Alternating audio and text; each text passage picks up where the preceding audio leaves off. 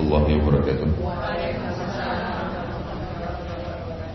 Alhamdulillah Terus kita memuji Tuhan kita Allah subhanahu wa ta'ala atas segala nikmatnya Dan juga kita menjadikan salawat dan taslim Sebagai salam hormat kepada Nabi besar Muhammad sallallahu alaihi wasallam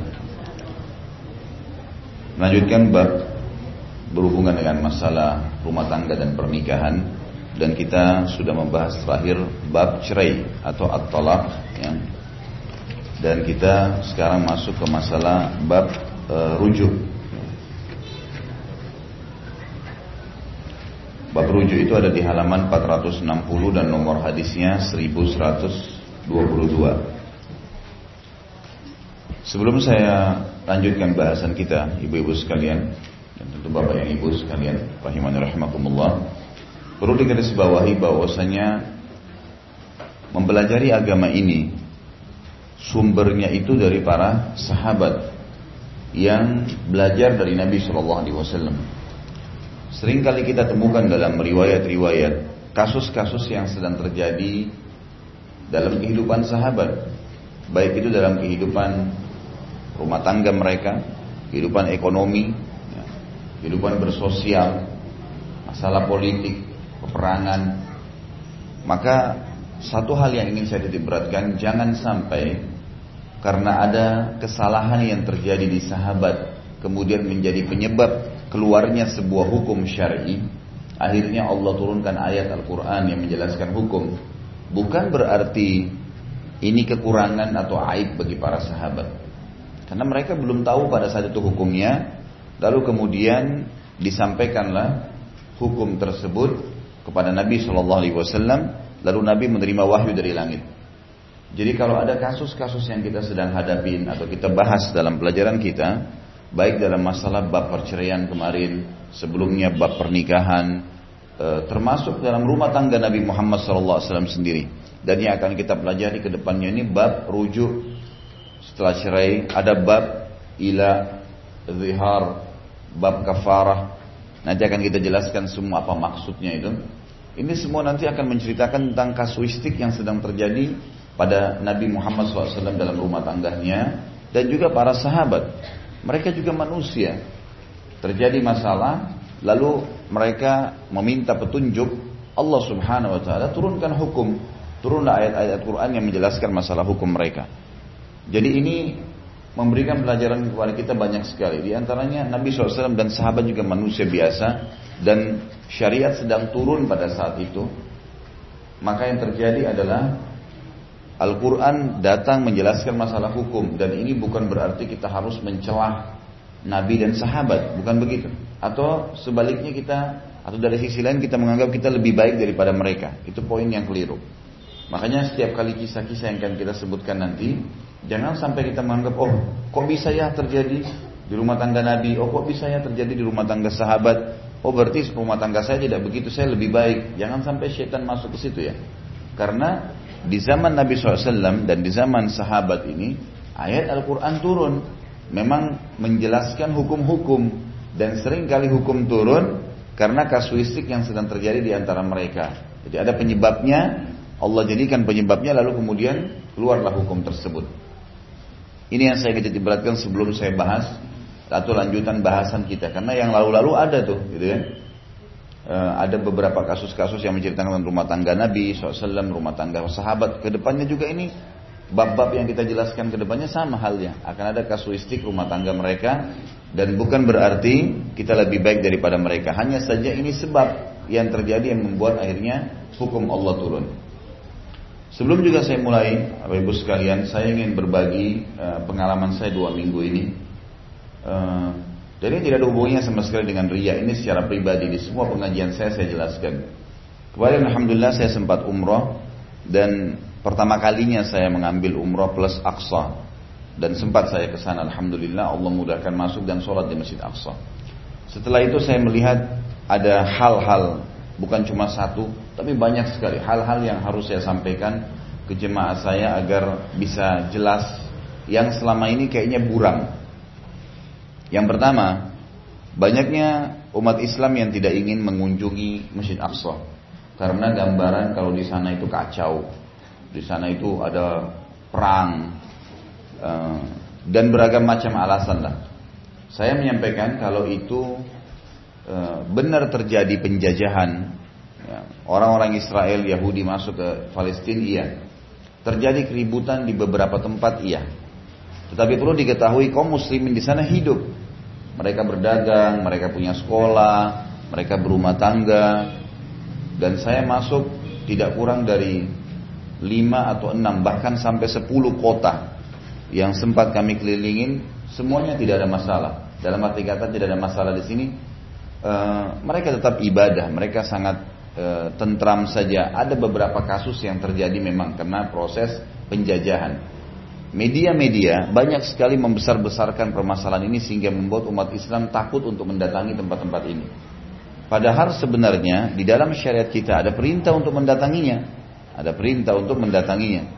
Di antaranya misalnya hadis Nabi SAW yang berbunyi tidak boleh orang khusus ya, bepergian mengunjungi masjid kecuali tiga masjid haram Mekah masjidku ini kata Nabi di Madinah masjid Nabawi dan masjid Aqsa Aqsa masuk di sini disuruh untuk mengunjunginya riwayat yang lain menjelaskan ini diriwayatkan oleh Baihaqi walaupun lemah tapi sebagian ulama menguatkannya dengan hadis yang lain nanti saya jelaskan Kata Nabi SAW, sholat di Masjid Haram Mekah, pahalanya 100 ribu pahala. Kemudian sholat di Masjid Nabawi 1000 pahala dan Masjid Aqsa 500 pahala. Tentu ada hadis sahih yang menjelaskan hanya sampai Masjid Nabawi.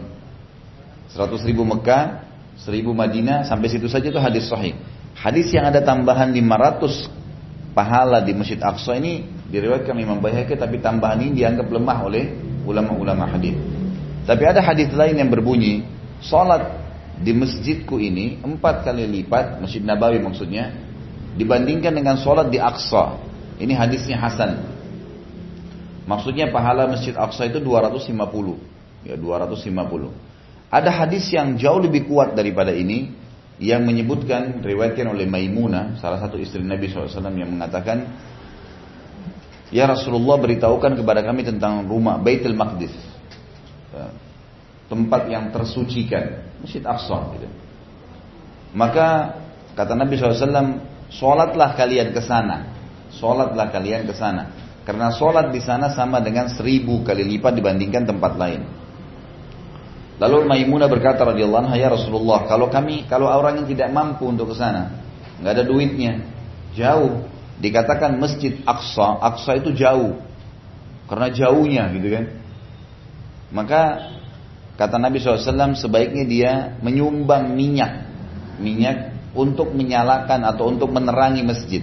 Zaman dulu orang pakai minyak dan akhirnya nyala api. Kalau kita sekarang berkembang jadi lilin terus kemudian e, penerangan lah seperti lampu ya. Seperti itu kurang lebih.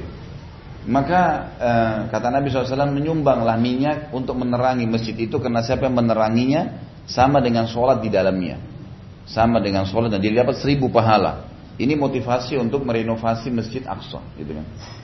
Hadis yang lebih luar biasa lagi daripada itu dan hadis ini sahih. Kata Nabi SAW Sulaiman alaihissalam, Nabi Sulaiman pada saat selesai membangun Masjid Aqsa, karena Masjid Aqsa ini dibangun oleh Ibrahim alaihissalam. Ibrahim membangun 40 tahun setelah membangun Masjid Haram Mekah, baru ke Palestina bangun Masjid Aqsa. Dikembangkan, ya Alhamdulillah dikembangkan oleh anak cucunya beliau Nabi juga Nabi Sulaiman alaihissalam. Nabi Sulaiman setelah membangun Masjid Aqsa merenovasinya, maka beliau berkata, Nabi SAW mengatakan Sulaiman meminta tiga hal. Yang pertama minta agar kerajaannya diawasi langsung oleh Allah dari langit. Yang kedua, Sulaiman alaihissalam minta agar diberikan kerajaan tidak layak untuk orang setelahnya. Jadi gak ada lagi orang yang dapat kerajaan seperti itu. Dan yang ketiga, Sulaiman meminta kepada Allah Pak Diarto mana ya? Pak maaf Pak yang di belakang Bapak-bapak yang hadir Nanti kalau ada ibu-ibu yang telat Jangan dipotong kameranya kesian nanti Editnya Masuk dari pintu kanan atau pintu kiri aja Maaf ya Bu ya Ya, karena ini kalau diedit cukup lama, kesian juga teman-teman untuk diupload di YouTube. Jadi lebih baik uh, ke kanan atau ke kiri, karena kalau kamera dipotong nanti di-cut lagi. Hadis yang yang ini saya sebutkan kata Nabi SAW dan Sulaiman minta agar tidak ada siapa pun yang sholat di masjid ini tidak niat kecuali ingin sholat kecuali dia kembali seperti baru dilahirkan oleh ibunya. Masjid Aqsa. Dan ini padilanya sangat besar ya. Artinya sekali sholat di Masjid Aqsa, niatnya mau sholat, itu pahalanya pengampunan dosa seperti baru dilahirkan oleh ibu. Ini didapatkan di musim haji saja.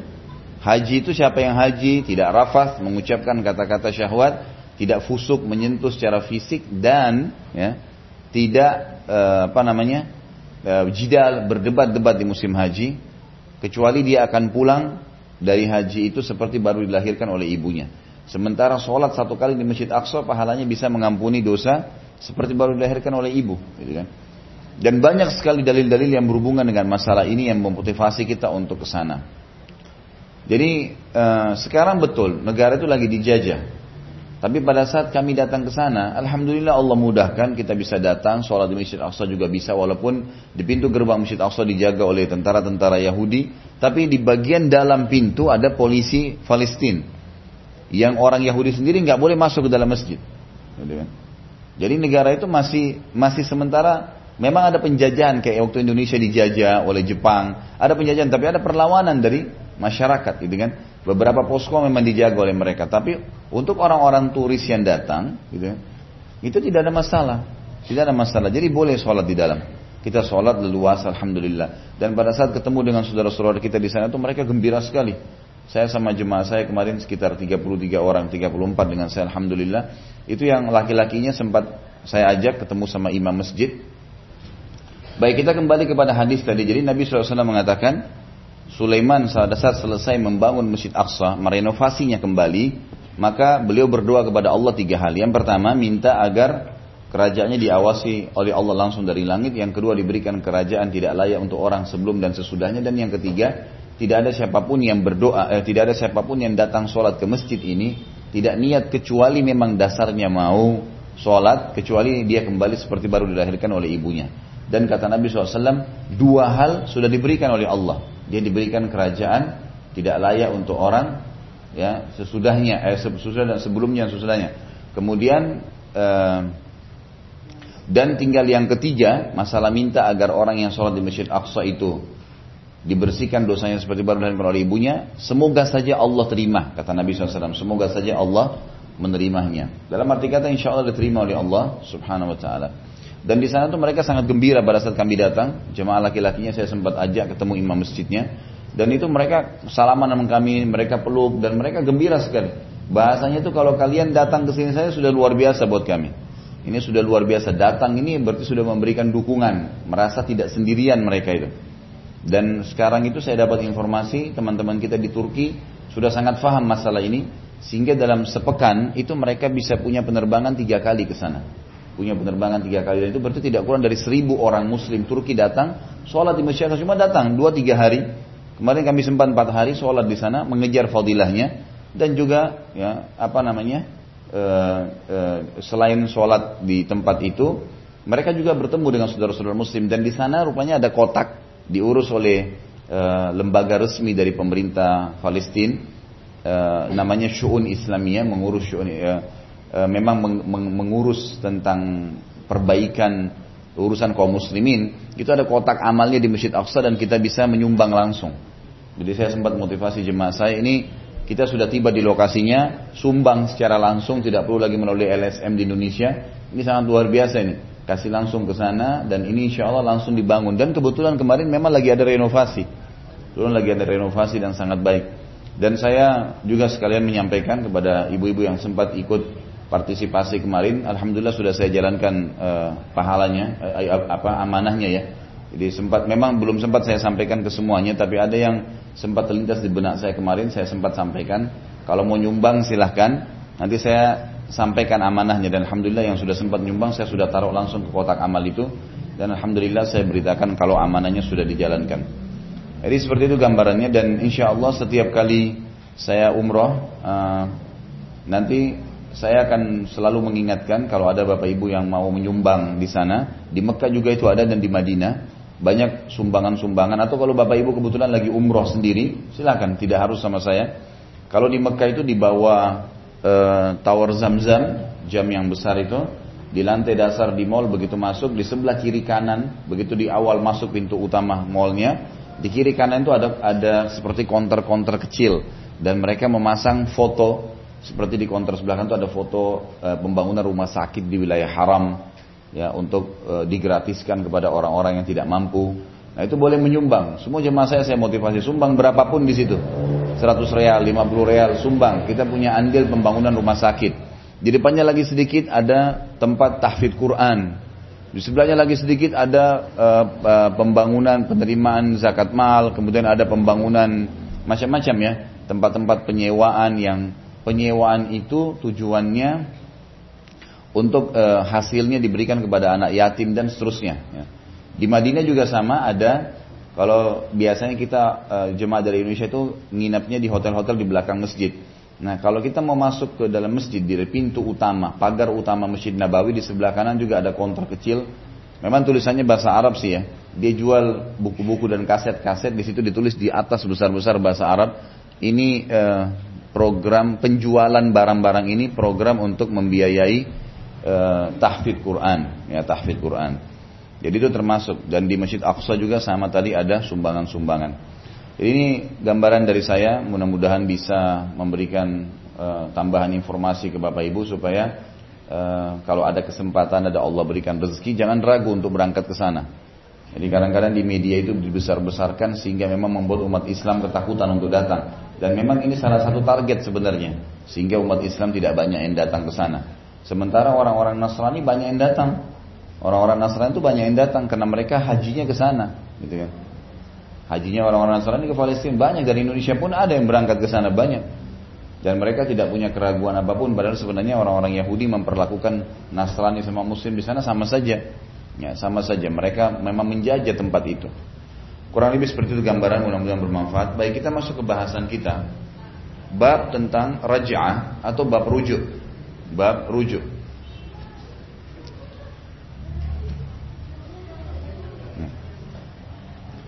Hadis 1122 An Imran ibn Husain radhiyallahu anhu annahu su'ila 'anil rajuli yutalliqu thumma yuraji'u wa lam yushhid. Faqala ashhid 'ala talaqiha wa 'ala raj'atiha. Rawahu Abu Dawud hakadha mauqufan wa sanaduhu sahih Imran ibn Husain radhiyallahu anhu berkata pernah ditanya tentang orang yang bercerai kemudian rujuk Rujuk berarti kembali lagi setelah cerai tanpa menghadirkan saksi. Ia berkata, hadirkanlah saksi untuk mentalaknya dan merujuknya. Riwayat Abu Dawud secara maukuf dan sanatnya sahih. Hadis ini memberikan pelajaran kepada kita bahwasanya ada rujuk dalam Islam. Rujuk istilah yang digunakan untuk kembali setelah terjadi perceraian. Dan di bab cerai saya sudah jelaskan. Cerai ada dua macam. Ada cerai yang sifatnya tolak raji'i namanya, perceraian yang boleh kembali. Ini biasanya kalau hanya karena emosional, hanya karena eh, kesalahpahaman, kemudian mereka kembali, kemudian mereka kembali, gitu kan? E, dengan cara saling memaafkan. Kalau masih dalam masa iddah tiga kali masa haid, maka tidak butuh akad nikah, tidak butuh akad nikah, cukup dengan saling memaafkan Apalagi mereka kalau sampai kumpul maka berarti sudah tidak sudah dianggap rujuk. Sudah dianggap rujuk dan rujuk tidak punya lafaz khusus. Tidak punya lafaz khusus mengatakan saya kembali dengan kamu itu enggak ada. Istilahnya mereka rujuk itu kumpul saja. Beda dengan pernikahan ada kalimat khususnya. Kalau rujuk enggak ada kalimat khusus, gitu kan? Kemudian ada tolak yang kedua, tolak bayin. Tentu kalau tolak raji itu kalau satu kali, dua kali masih boleh mereka kembali. Kalau sudah tiga kali perceraian tidak boleh lagi. Ini namanya tolak bayin. Kecuali si perempuan tadi nikah sama laki-laki lain. Kalau sudah nikah sama laki-laki lain dan terjadi perceraian lagi sama suami yang kedua, baru terbuka variabel untuk atau hukum untuk boleh kembali sama suami mantan suami yang pertama. Ini namanya tolak bayin. Ada juga perceraian yang sudah tidak bisa kembali lagi. Nanti kita pelajari ada babnya sebentar lagi namanya bab li'an. Bab li'an itu saling menuduh. Kalau pasangannya selingkuh. Nanti itu akan ada hukum sendiri itu perceraiannya. Nanti mereka harus bersumpah empat kali atas nama Allah. Kalau tidak melakukannya, kalau yang tertuduh dan yang menuduh mengatakan melakukannya, lalu yang kelima mendoakan diri sendiri dengan keburukan, maka ini namanya bab li'an. Tapi kalau ini terjadi nggak boleh lagi kumpul selamanya, nggak ada lagi pintu untuk kembali. Namanya bab li'an. Nanti kita pelajari sebentar. Yang jelas rujuk itu adalah kembali. Kalau di masa iddah tadi, tiga kali masa haid boleh kembali walaupun tidak ada kalimat khusus. Mereka hanya kumpul atau saling memaafkan. Kalau lewat masa iddah tiga bulan, tiga kali masa haid berarti harus mengembalikan, mengulangi kembali akad nikah. Akad nikah dengan syarat-syaratnya, walinya, maharnya, semua harus kembali semua. Diulangi lagi kembali. Kalau lewat dari masa iddah. Sampai dua kali batasnya, yang ketiga kali sudah nggak boleh lagi kembali. Tentu kalau dia bilang, saya ceraikan yang ketiga kalinya, yang itu, maka tidak boleh kembali kecuali si perempuan tadi nikah dengan laki-laki lain dan seterusnya sebagaimana saya jelaskan. Ini pelajaran yang pertama yang diambil dari hadis 1122 adanya rujuk dalam Islam. Ini berarti kembali untuk membangun lagi rumah tangga itu. Yang pelajaran yang kedua, dalam masalah nikah dan cerai juga rujuk tiga hal ini harus ada saksi. Harus ada saksi. Kalau misalnya saksinya nggak ada, saksi itu siapa saja dia datangkan dan ini diperintahkan untuk dua orang yang bisa dipercaya. Saksikan misalnya didatangkan adiknya, iparnya misalnya, atau mertuanya sendiri yang dia bahasakan, saya e, menjadikan anda sebagai saksi kalau saya ceraikan istri saya, misal begitu ya. Maka itu saksi. Nah ini dianggap sah. Kalau dalam pernikahan mutlak tanpa saksi batal. Mutlak. Kalau orang nikah tanpa saksi batal. Karena syaratnya harus ada wali, mahar, kalimat akad dan harus ada saksinya dua orang terpercaya, gitu kan? Ini kalau nikah. Kalau rujuk, kalau sempat dia rujuk, kemudian tidak ada saksi, sementara sudah dikumpuli, sudah bergaul, maka tetap sah rujuknya. Tapi ada kafara namanya, nanti ada dendahnya. Kenapa dia tidak datangkan saksi? Jadi agak beda ya. Kalau nikah, kalau tidak ada saksi berarti batal. Harus ulangin. Dan kalau rujuk, tidak ada saksi tetap sah. Tetapi dia harus membayar kafarah namanya. Jadi di sini kita lihat ada persaksian. Dan ini hampir semua hukum-hukum syar'i kita. Kalau yang memang dikhawatirkan terjadi perseteruan antara dua orang, pasti dikuatkan dengan saksi.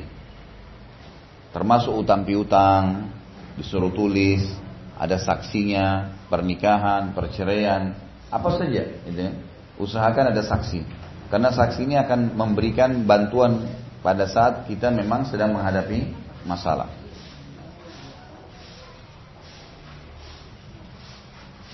Kemudian hadis selanjutnya 1123 wa akhrajahul Baihaqi bilafdhin anna Imran bin Husainin radhiyallahu anhu suila amman raja'a imra'atahu wa lam yushhid. Faqala fi ghairi sunnah falyushhid al-an wa zada at-tabarani fi riwayat astaghfirillah namun sebelum saya baca terjemahnya ada footnote nomor satu dulu ya. Masih hadis 1122 Allah Subhanahu wa taala berfirman di dalam surah Al-Baqarah 222 228 Bunyinya a'udzubillahi minasyaitonir rajim wa bu'ulatuhunna haqqu biraddihinna fi dzalika in aradu islaha. Ibu-ibu dan bapak bisa lihat di footnote ya nomor satu di bawah. Di bawah sekali tulisan dan suami-suami mereka lebih berhak untuk merujuki mereka dalam masa menanti itu, masa iddah. Apabila mereka para suami menghendaki islah. Jadi pada saat didapatkan misal si istri yang salah, lalu suaminya ceraikan, gitu kan? Di sini di masa iddah tiga bulan itu suaminya lebih berhak untuk merujukinya. Kalau ada laki-laki lain juga yang mau lamar, tetap suami lebih berhak untuk didahulukan. Kalau si suami yang benar. Kalau istri yang benar, dasarnya suami tidak menjalankan kewajibannya, tidak memberikan nafkah e, kebutuhan batin, biologisnya dan juga ya, kebutuhan materinya selama enam bulan atau melakukan pelanggaran-pelanggaran syar'i yang besar seperti kesyirikan, meninggalkan sholat, mabuk-mabukan, atau menyakiti secara fisik, mukul, gitu kan?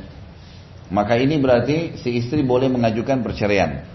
Kalau istri mengajukan perceraian, Ini berbeda hukumnya kepada hakim. Dan memang betul terbukti suaminya salah, maka di sini kalau selesai masa iddah atau di masa iddah itu pun ada yang melamar, maka si perempuan boleh memilih lebih berhak memilih orang lain daripada mantan suaminya. Ini kalau dia dalam kondisi benar. Ayat ini hanya berlaku kalau si laki-laki yang benar. Kan itu. Si laki-laki yang benar maka dikatakan dan suami-suami mereka lebih berhak untuk merujuki mereka dalam masa menanti itu di masa iddahnya tiga kali haid. Kalau sudah manufos pun itu berarti tiga bulan dihitung tetap sama. Apabila mereka para suami menghendaki islah, islah itu perbaikan, memperbaiki hubungan. Dikatakan, yakni bahwa suami itu lebih berhak merujuk wanita yang ditalak yang pernah digauli dengan talak raj'i. Talak tadi contoh cerceraian yang pertama ya. Raj'i artinya boleh kembali. Cerai satu, cerai dua. Gitu. Selama belum selesai iddahnya. Tiga kali masa haid. Dan setelah menyebutkan masalah talak, Allah Subhanahu wa taala menyebutkan di dalam surah At-Talaq, surah nomor 65 ayat 2, A'udzu billahi minasyaitonir wa ashhidu dzawai adlin minkum. Dan persaksikanlah dengan dua orang saksi yang adil di antara kalian. Allah memerintahkan agar tolak dipersaksikan termasuk juga tolak raj'i. Cerai yang kembali. Artinya dengan kembali pun juga ada saksi. Ada saksi. Baik, hadis selanjutnya yang tadi sudah saya bacakan matan bahasa Arabnya 1123 Baihaqi meriwayatkan dengan lafaz bahwa Imran ibn Husain radhiyallahu anhu ditanya tentang seseorang yang merujuk istrinya dan tidak menghadirkan saksi. Ia berkata, jadi sudah rujuk, sudah terlanjur berhubungan biologis, tapi tidak ada saksinya. Kata beliau itu tidak mengikuti sunnah. Hendaklah ia segera menghadirkan saksi sekarang. Jadi sekarang didatangkan saksi, walaupun dia sudah kumpul, datangkan saksi lagi siapa saja.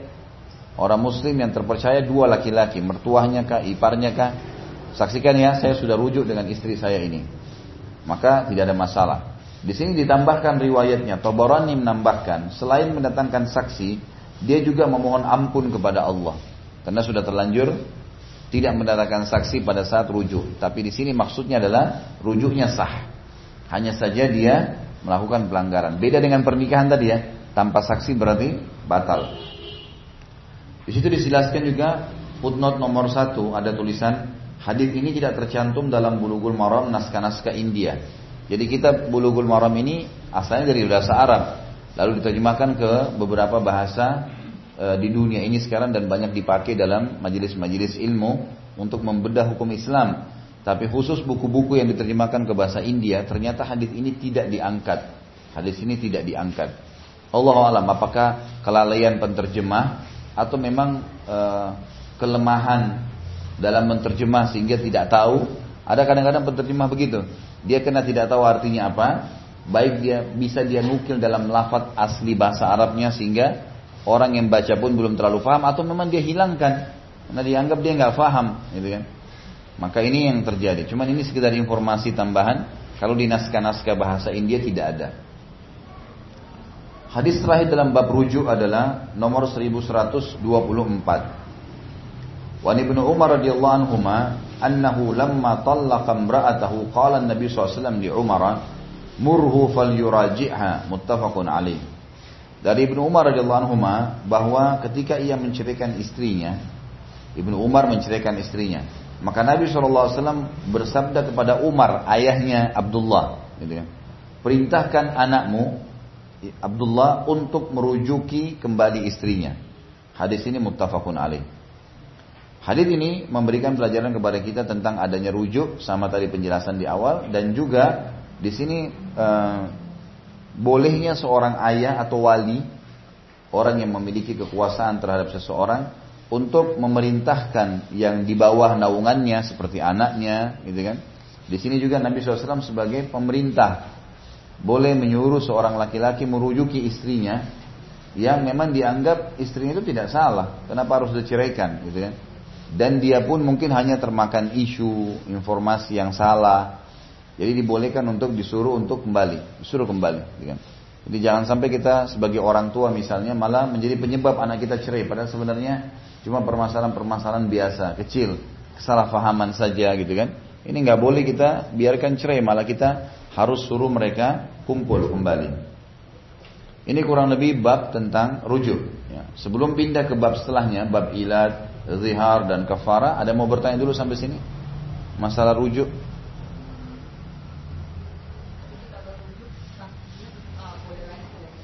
Tidak, saksi selalu laki-laki. Saksi dalam Islam harus laki-laki dua orang yang terpercaya. Dalam keadaan darurat sekali nggak ada laki-laki, baru perempuan itu pun perempuan itu satu laki-laki dihitung harus datangkan dua perempuan. Berarti kalau dua saksi laki-laki harus kalau diganti dengan perempuan empat perempuan. Ya. Tapi yang ada umumnya adalah laki-laki. Ya? Nggak ada ucapan dalam rujuk. Enggak, tinggal dia kembali aja. Kalau misalnya dia saya mau kembali dengan kamu atau misalnya kita saling memaafkan aja, mereka baikan, tidak ada lafaz khusus. Beda dengan dengan nikah, nikah ada lafaz khusus. Cerai ada lafaz khusus. Tapi rujuk nggak ada lafaz khusus. Jadi orang saling memaafkan saja, kumpul itu sudah tanda mereka jalan sama-sama, itu sudah tanda rujuk semua, mereka bersatu lagi.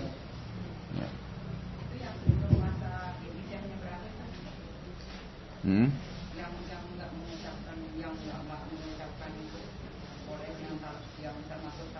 Iya. Iya. Tetap dianggap sah rujuknya kalau dia rujuk di masa iddah itu tanpa mendatangkan saksi. Tapi tetap dia setelah tahu hukum, kalau dia tidak tahu hukumnya, harus datangkan saksi setelah itu. Iya, tetap. Ya.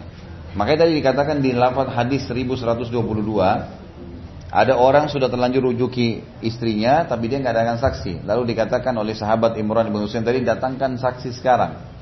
Walaupun mereka sudah kumpul, dianggap tidak masalah dengan kumpul tapi dia harus datangkan saksi kemudian dia beristighfar kepada Allah.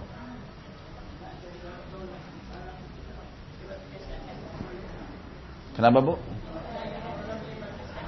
Tolak melalui SMS. Sebenarnya tolak itu ucapan ataupun tulisan bisa terjadi. SMS itu sama dengan tulisan surat. Nah, iya. Dianggap sama, makanya nggak boleh main-main di situ. Makanya kata Nabi SAW yang kita pelajari hadis yang lalu masih ingat jangan main-main di tiga hal. Pernikahan, perceraian dan rujuk. Nggak boleh main-main di tiga hal itu. Nah, saya sudah kasih banyak contoh-contohnya pada saat itu. Ya, Ya makanya tidak boleh main-main bu. Ya, tidak boleh. Kalau dia memang seperti itu ya sudah. Dan kalau ada perempuan, saya bukan membuka pintu cerai ya, tapi kalau ada perempuan yang sedikit-sedikit suaminya mengatakan saya ceraikan kamu, saya ceraikan kamu, ya sudah lebih baik tidak kumpul gitu. Ini, karena kalau kumpul ini terancam antara zina dengan halal biologisnya, ini berbahaya sekali. Ada lagi masalah rujuk? Ya.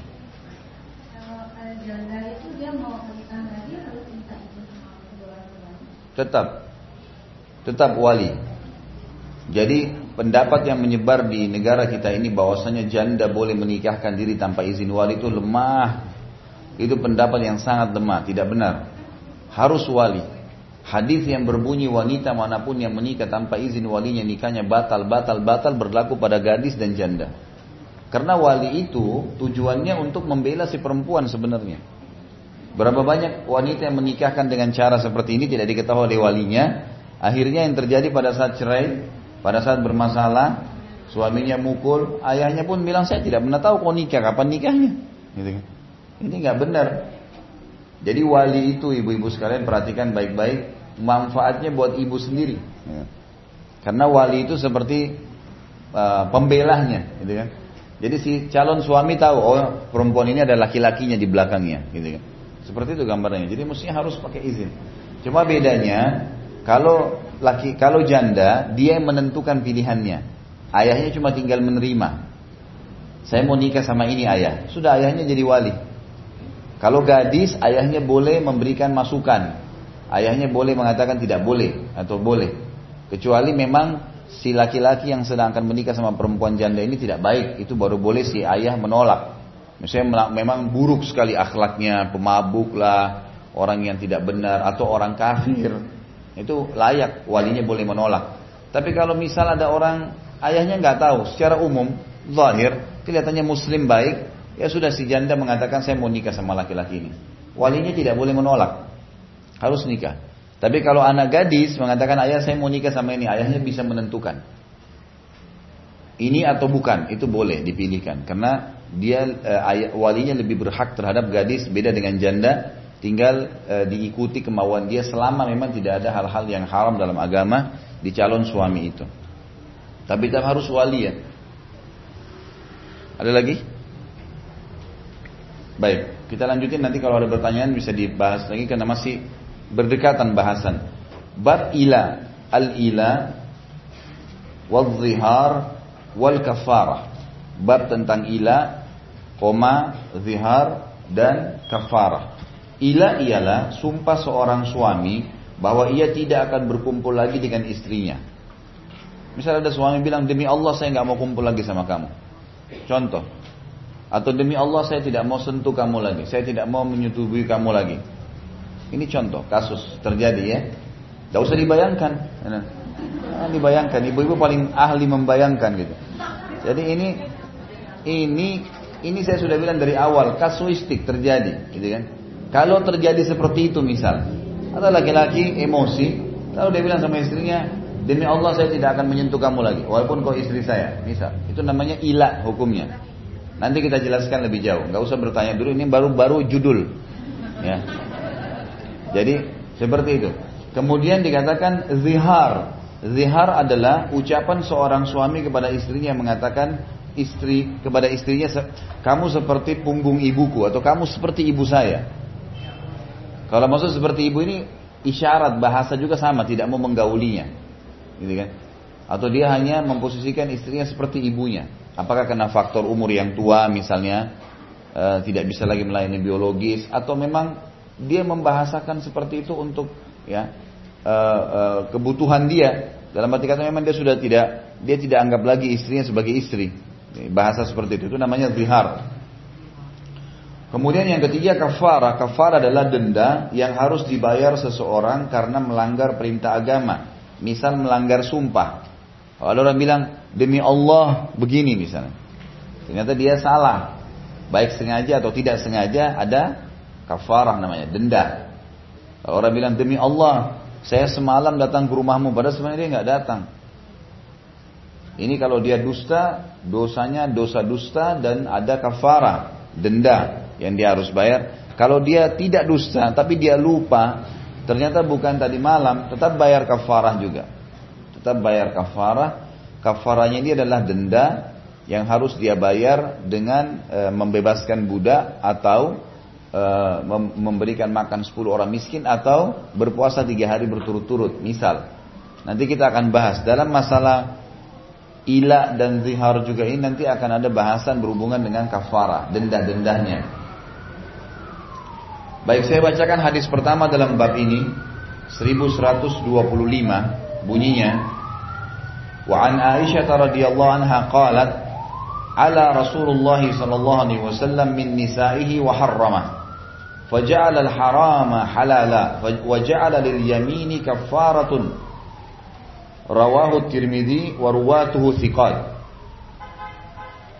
Riwayat yang lain wa Ibnu Umar radhiyallahu anhuma qala idza madat arba'atu ashhurin waqafa al-muli hatta yutalliq wa la yaqa'u 'alayha at-talaqu hatta yutalliq. Akhrajahu al-Bukhari. Riwayat yang ketiga jadi ada empat riwayat digabungkan oleh penulis langsung.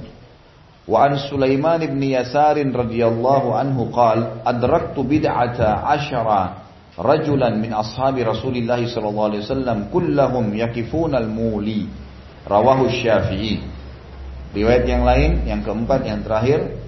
وعن ابن عباس رضي الله عنهما قال كان إلاء الجاهلية السنة والسنتين. فوقف الله أربعة أشهر. fa min arba'ati falaysa biila saya bacakan terjemahannya 1125 Aisyah radhiyallahu anha berkata Rasulullah SAW pernah bersumpah menjauhkan diri dari istri-istrinya dan mengharamkan berkumpul dengan mereka. Ingat yang baru datang saya sudah jelaskan tadi awal pada saat membahas bab-bab rumah tangga, nikah, cerai, rujuk, dan sumpah ila, zihar dan seterusnya ini, itu akan banyak kasuistik yang diangkat dari rumah tangga Nabi Shallallahu Alaihi Wasallam, rumah tangga para sahabat. Tapi ini bukan berarti mereka buruk. Dan bukan berarti kita lebih baik daripada mereka, tapi kasuistik ini terjadi sehingga keluarlah hukum dari Allah pada saat itu. Karena mungkin ketidaktahuan atau memang Nabi Allah Subhanahu Wa Taala menginginkan Nabi Muhammad SAW menjelaskan sebuah hukum. Jadi ini perlu difahamin. Jadi jangan sampai kita menilai buruk ya. Nabi SAW memang pernah me, e, mengilah, ya, mengucapkan ilah, bersumpah tidak akan men, e, bersumpah menjauhi istri dan mengharamkan berkumpul dengan mereka. Lalu beliau menghalalkan hal yang telah diharamkan tadi. Maksudnya beliau menarik pernyataannya itu.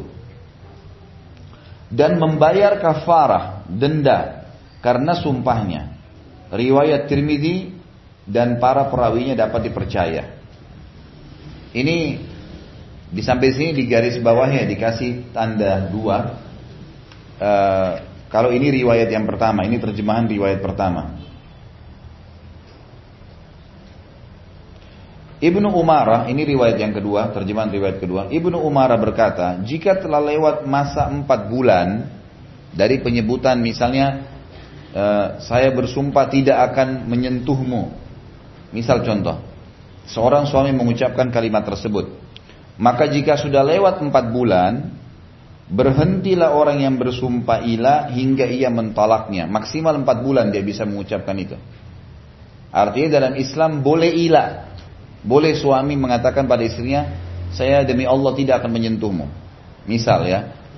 Ini tanpa kita melihat dulu apa kasusnya. Tapi kalau laki-laki mengucapkan itu, maka nanti hakim yang menentukan kalau masuk di pengadilan. Kasuistiknya adalah ini penyebutannya. Kalau dia ucapkan itu pun, dia boleh tidak menyentuh istrinya selama empat bulan maksimal. Kalau empat bulan harus dia menceraikan atau kembali, menarik sumpahnya, gitu kan? Ini yang dimaksud dengan riwayat Ibnu Umarah berkata jika telah lewat masa empat bulan berhentilah orang yang bersumpah ilah hingga ia mentolaknya dan tolak itu tidak akan jatuh sebelum ia sendiri yang mentolaknya riwayat Bukhari ini riwayat yang kedua riwayat yang ketiga Sulaiman ibn Yasar radhiyallahu anhu berkata aku mendapatkan belasan orang sahabat Rasulullah SAW belasan orang sahabat Nabi mereka semua menghentikan orang yang bersumpah ilah. Riwayat Imam Syafi'i. Riwayat yang keempat, Ibnu Abbas radhiyallahu anhu berkata, masa ilah orang jahiliyah dulu, jadi sebelum Islam ada itu, masa ilah itu. Ilah mereka adalah setahun sampai dua tahun. Lalu Allah menentukan masanya empat bulan. Bila kurang dari empat bulan, tidak termasuk ilah. Tidak termasuk ilah riwayat Baihaqi. Kita lihat di sini footnote nomor satu. Diikuti poin demi poin dulu ya, karena ini menerangkan empat riwayat sekaligus.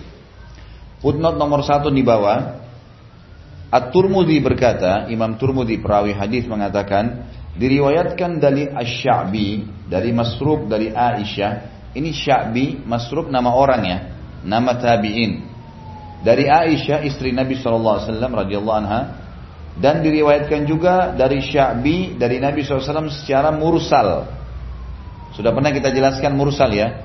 Mursal itu riwayat yang disebutkan oleh tabi'in langsung ke Nabi Muhammad SAW. Langsung ke Nabi SAW.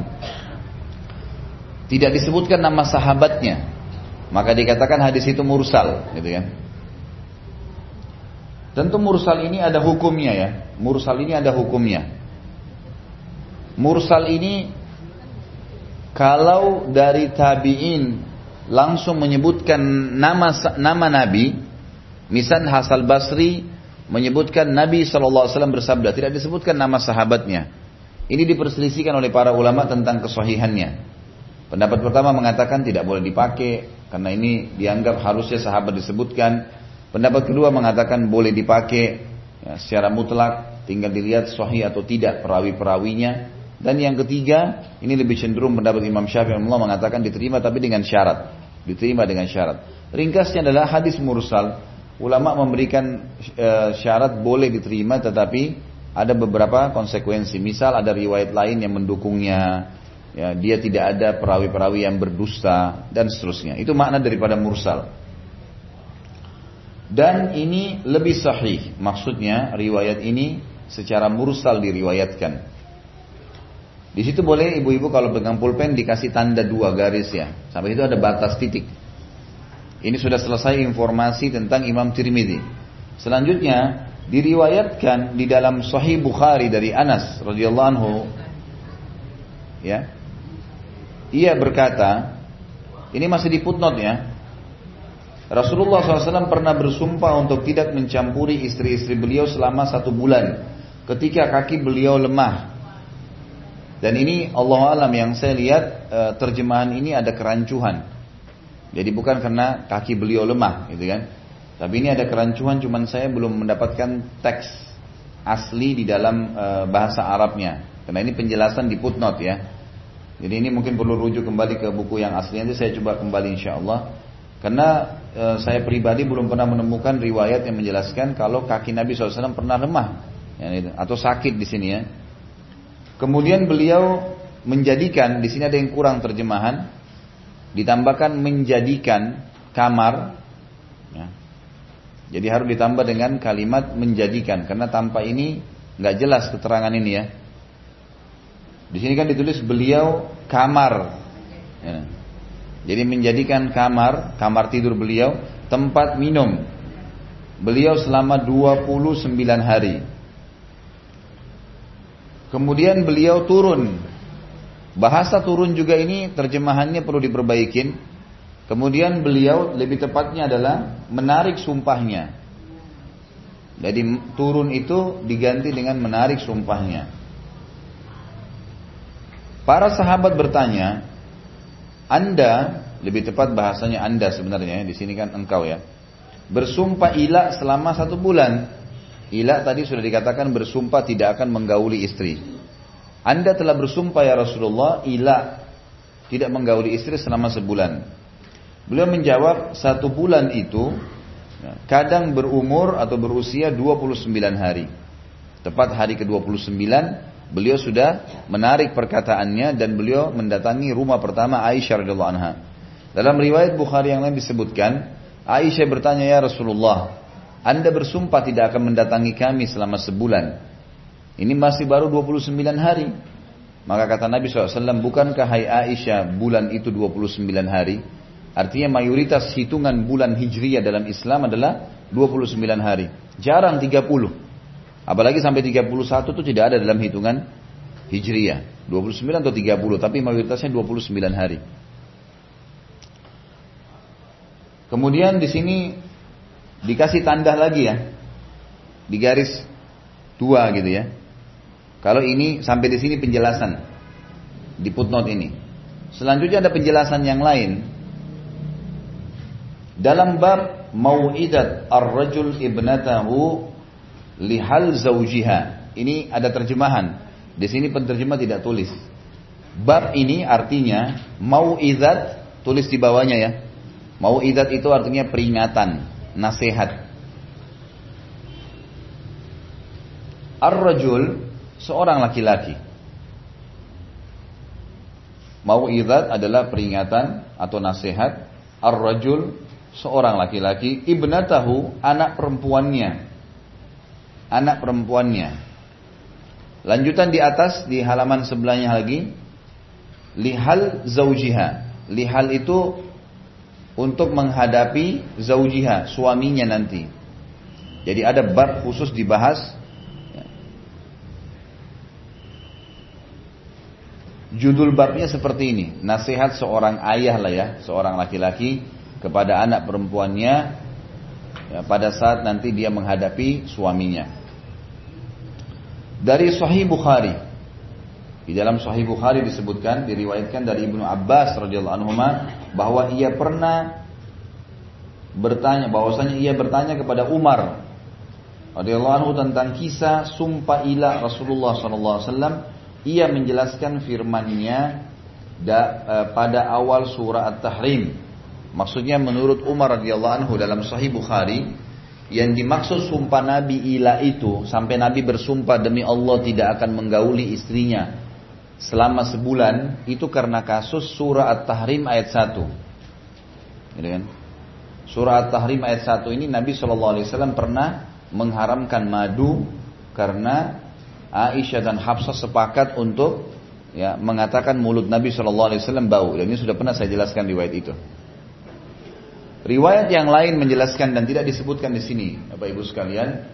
Dan Allah alam riwayat ini lebih banyak atau banyak dipegang oleh para ulama. Sebabnya Nabi SAW mengilah istri-istrinya itu karena satu waktu pernah mereka sepakat semuanya untuk minta kepada Nabi SAW dinaikkan nafkah. Nah itu. Nah iya. Jangan menganggap lebih pintar kan ini penting. Saya bilang tadi. Ini kasustik terjadi. Nanti bahaya kalau kita menilai Nabi SAW keliru nih atau eh, istri-istri Nabi keliru ini malah jadi bahaya buat kita. Jadi kita ambil hukumnya gitu kan. Nabi SAW pernah istri-istrinya minta agar dinaikkan nafkah. Lalu Nabi SAW mengetahui kalau beliau sudah jalankan yang terbaik. Maka beliau bersumpah karena semua sepakat waktu itu istrinya. Maka kata Nabi SAW, saya bersumpah sama Allah tidak akan mendatangi kalian. Tersebarlah berita Nabi SAW akan menceraikan istri-istrinya. Sampai turun ayat-ayat Al-Quran yang menjelaskan, hai istri-istri Nabi, kalau kalian eh, tidak mau beriman kepada Allah dan seterusnya, makna ayatnya adalah, maka Allah akan menggantikan untuk Nabi istri-istri yang jauh lebih baik daripada kalian. Artinya Nabi nggak mungkin salah dalam memberikan nafkah gitu kan. Dan ini cuma isu-isu yang sampai kepada mereka, hanya mereka mengatakan kalimat-kalimat tadi. Akhirnya Nabi SAW menghajar atau memberhentikan per, e, berhubungan dengan mereka selama sebulan.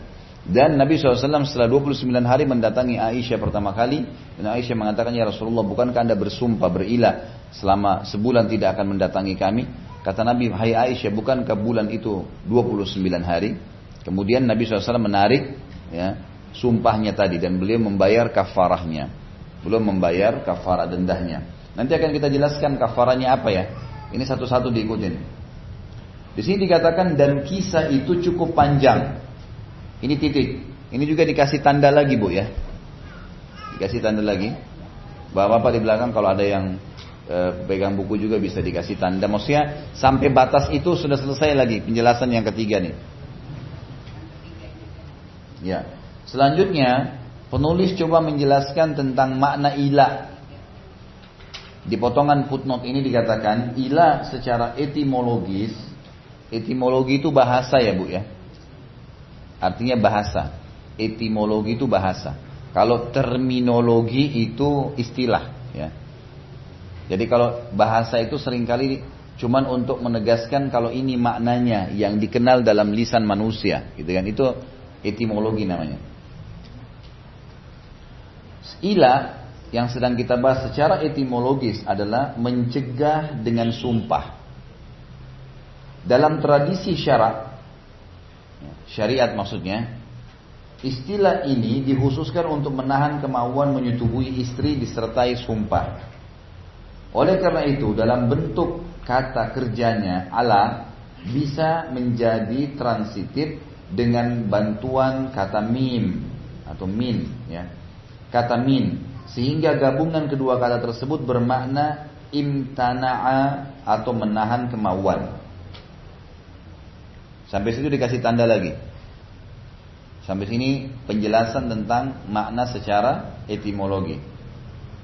Keterangan yang lain ini menguatkan satu sama yang lain. Apabila sumpah itu telah berlangsung selama empat bulan, maka si suami harus memilih antara menyetubui istrinya, maksudnya bergaul lagi, atau menalaknya. Kata-kata dan diganti atau di situ. Ada kata-kata dan dicoret, ganti dengan atau. Ya.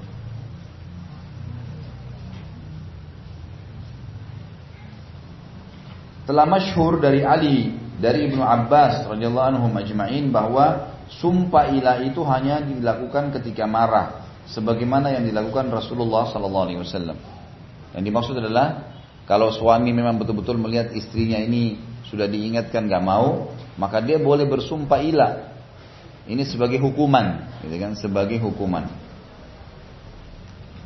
Dikasih tanda lagi sampai di situ. Ini keterangan-keterangan yang semestinya memang dipindahin ke paragraf. Biasanya mungkin proses penerjemahan ini uh, ingin ingin memaksimalkan tempat space sehingga memang digabungin cuma ada titik. Tapi bagi pembaca secara umum kalau tidak ikut e, diterangkan oleh seorang pengajar seperti kelas kita ini maka mereka akan bingung membacanya. Ini kalau ibu dan bapak baca di rumah sendiri footnote ini akan bingung. Iya kan? Makanya saya bilang dikasih tanda. Tanda ini berarti sampai sini keterangan. Lanjut lagi sampai sini keterangan gitu kan. Kemudian selanjutnya Abu Hanifah menjadikan batas waktu empat bulan itu sebagai batas jatuhnya talak bila telah berakhir. Imam Abu Hanifah rahimahullah mengatakan kalau ada laki-laki bilang demi Allah saya tidak akan menyentuh kamu. Kalau dia biarkan sampai empat bulan dia tidak maafkan istrinya, empat bulan tiba cerai jatuh dengan sendirinya. Ini kata Abu Hanifah rahimahullah. Kan kita punya dalam pemahaman al ada empat madhab ya. Empat imam yang dijadikan rujukan Abu Hanifah, Malik, Imam Malik, ya, kemudian Imam Syafi'i dan Imam Ahmad. Imam Abu Hanifah secara pribadi beliau mengatakan yang dimaksud dalam hadis empat bulan itu adalah masa maksimal dari e, ila itu. Jadi begitu tiba empat bulan cerai jatuh dengan sendirinya. Itu dikasih tanda lagi. Selanjutnya sedang menurut jumhur ulama, jumhur artinya mayoritas, ya. Sedang menurut jumhur ulama, masa tersebut merupakan batas untuk menentukan pilihan bagi suami. Jadi kalau jumhur ulama mengatakan empat bulan itu dia boleh mengilah istrinya, bersumpah tidak akan menyentuhnya. Tiba masa empat bulan adalah masa pilihan. Lanjutin rumah tangga atau cerai. Tapi tidak terjadi perceraian. Ini jumhur ulama. Dan ini Allah alam pendapat yang lebih kuat. Karena memang hadis tadi dikatakan dia disuruh menceraikannya atau dia menggaulinya, gitu kan? Itu dikasih tanda di situ ya. Sampai kata-kata menentukan pilihan bagi suami. Lihat ya, ada titik dikasih tanda. Selanjutnya penjelasan yang lain lagi. Ucapan Aisyah radhiyallahu anha makna hadis ja'alal harama halala. Ada delapan hadis di sini yang tadi kita bahas itu. Nabi SAW menjadikan, jadi ja'ala itu menjadikan al-haram sesuatu yang haram halala. Jadi halal. Di sini maknanya yang dikatakan adalah oleh penulis yaitu madu atau hamba. Madu di sini maksudnya kembali kepada keterangan tadi surat Tahrim ayat 1. Kasus tentang Aisyah dan Hafsah pada saat merasa cemburu dengan madu yang diberikan oleh Maria kepada Nabi Shallallahu Alaihi Wasallam. Gitu kan? Kemudian hamba adalah masuk kepada makna hamba sahaya.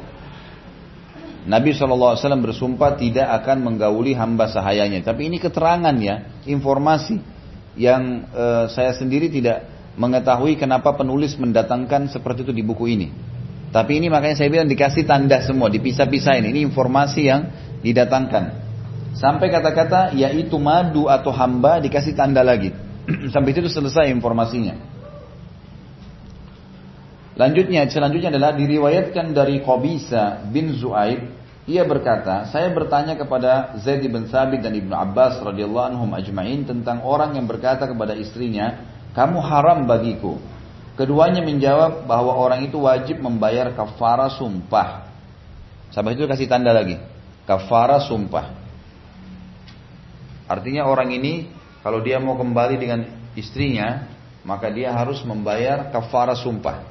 Kafara sumpah itu dia memberikan makan 10 orang miskin, bebasin budak atau puasa tiga hari berturut-turut. Itu kafara sumpah namanya. Sampai sini kasih tanda ya.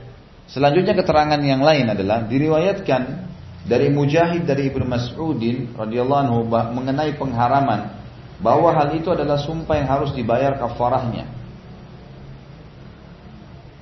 Ibnu Hazm juga berkata, hal itu diriwayatkan dari Abu Bakar As-Siddiq, dari Aisyah dan Aisyah radhiyallahu anhu ajma'in Demikian juga orang yang mengharamkan atas dirinya selain istri seperti makanan, minuman, hamba wanita, ya, sahaya, ya. Yang semula tidak haram baginya, ia wajib membayar kafara sumpah. Jadi kalau misalnya ada orang bilang, demi Allah saya tidak akan makan jeruk. Ini misal, contoh. Maka tetap dia kalau mau makan jeruk bayar kafara. Denda. Kenapa harus sumpah gitu kan? Seperti itu pemahaman. Ini hukum syar'i. Kita bicara masalah hukum syar'inya. Baik, selanjutnya Ini semua keterangan berhubungan dengan hadis nomor 1125. Jadi di di hadis pertama di bab kitab uh, ila ya. Jelas ya Bu ya? Baik. Sekarang kita pindah ke hadis selanjutnya 1126. Ini berbicara tentang masalah zihar. Ya. Kan di situ judul kita kan ada ila, ada zihar. Sekarang zihar. Zihar itu adalah seseorang bersumpah mengatakan kepada istrinya kamu seperti ibu saya. Nah, itu. itu namanya zihar. Kita baca hadisnya apa yang dimaksud atau apa kasus yang sedang terjadi pada saat itu. Wa anhu Anhu ini kembali kepada riwayat yang pertama ya. Maaf, riwayat yang terakhir ya. Yang dimaksud adalah Ibnu Abbas di sini wa anhuma ya. Radhiyallahu anhuma wa anhu radhiyallahu anhuma. Begitu bahasa Arabnya. Wa anhu sudah benar radhiyallahu anhuma. anna rajulan dhahara min imra'atihi ثم وقع عليها. فأتى النبي صلى الله عليه وسلم فقال إني وقعت عليها قبل أن أكفر. قال فلا تقربها حتى تفعل ما أمرك الله به. رواه الأربعة وصحه الترمذي ورد ورجح النسائي رسالة ورواه البزار من وجه آخر عن ابن عباس رضي الله تعالى عنهما wazada fihi kaffir wala ta'ud. Saya baca terjemahannya. Dari dia, maksudnya Ibnu Abbas radhiyallahu anhu bahwa ada seseorang mengucapkan zihar bilang pada istrinya demi Allah kamu seperti ibu saya. Dia mengucapkan zihar kepada istrinya, kemudian ia bercampur dengan istrinya, kembali lagi menggaulinya setelah mengucapkan kalimat tersebut. Lalu ia menghadap Nabi Shallallahu Alaihi Wasallam dan berkata, sungguh aku telah bersetubuh dengannya, dengan istri maksudnya, sebelum membayar kafarah. Maka beliau bersabda Shallallahu Alaihi Wasallam, jangan mendekatinya hingga engkau melaksanakan apa yang telah Allah perintahkan kepadamu. Bayar dendahnya dulu. Kenapa kamu ucapin itu? Gak boleh bergaul. Gitu. Riwayat Imam 4 ya. Hadis ini sahih. Riwayat Imam 4 itu dikasih koma ya. Riwayat Imam 4 bisa koma titik aja deh, dikasih titik. Lalu hadis sahih menurut ya, Tirmidzi dan mursal menurut Tarjih Nasai. Mursal saya sudah katakan dari tabi'in kan yang belajar dari Nabi siapa? Sahabat. Yang belajar dari sahabat tabi'in. Kalau ada tabi'in dia menyebutkan hadis langsung ke Nabi, maka namanya mursal. Namanya mursal. Dan dia mursal menurut tarjih. Tarjih itu berarti pilihan ya yang sudah ditentukan oleh An-Nasai. Ini nama-nama perawi-perawi hadis ya. Tentu Bapak Ibu yang sudah ikut dari awal mungkin bisa mengerti siapa itu Imam Tirmidzi, Imam Nasai, Ibnu Majah. Karena kita punya sembilan buku rujukan hadis. Sembilan rujukan hadis. Sahih Bukhari, Sahih Muslim, kemudian Nasai, ya, uh, uh, Abu Dawud, ya, kemudian Tirmidzi dan Ibnu Majah, ini enam ditambah Sunan Ad-Darimi, Muwatta Imam Malik dan juga Musad Imam Ahmad. Ada sembilan buku hadis. Jadi kalau sering disebutkan riwayat Bukhari, riwayat Muslim, riwayat Nasai, ini nama-nama orang perawi-perawi hadis. Riwayat Tirmidzi, riwayat Abu Dawud, riwayat Ibnu Majah, riwayat Darimi, ya, riwayat Ahmad, riwayat Imam Malik. Ini semua buku-buku rujukan hadis. Al-Bazzar Ini juga nama orang ya. Bazar ini double Z sebenarnya namanya. Bazar. Di situ double A. Mestinya diganti. Al-Bazzar juga meriwayatkannya dari jalan lain dari Ibnu Abbas. Ibnu Abbas hanya dihapus ya. Ibnu Abbas dengan tambahan di dalamnya. Situ ditulis Abbas ya. Bayarlah kafara dan jangan kamu ulangi. Bayarlah kafara dan jangan kamu ulangi. Hadis ini, Bapak Ibu sekalian, sebagaimana sering saya bahasakan, kalau kita membacanya sendiri mungkin tidak faham. Itu pentingnya hadir di majelis ilmu sehingga ada yang menerangkannya. Dan juga kita harus membaca secara lengkap, termasuk footnote. Footnote ini tulisan kecil di bawah. Di sini dilihat ada footnote nomor satu.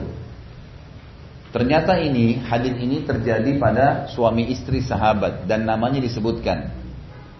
Dikatakan di sini footnote nomor satu, disebutkan dalam kitab-kitab sunan, kitab-kitab hadis dan musnad bahwa Aus ibn As-Samit, ini nama si suami, telah mengucapkan zihar kepada istrinya yang bernama Khawla binti Sa'labah radhiyallahu anhu maka Khawla berkata kepada Rasulullah SAW ya Rasulullah sesungguhnya Aus memperistrikan aku ketika masih muda, saya masih muda dan menyenangkan.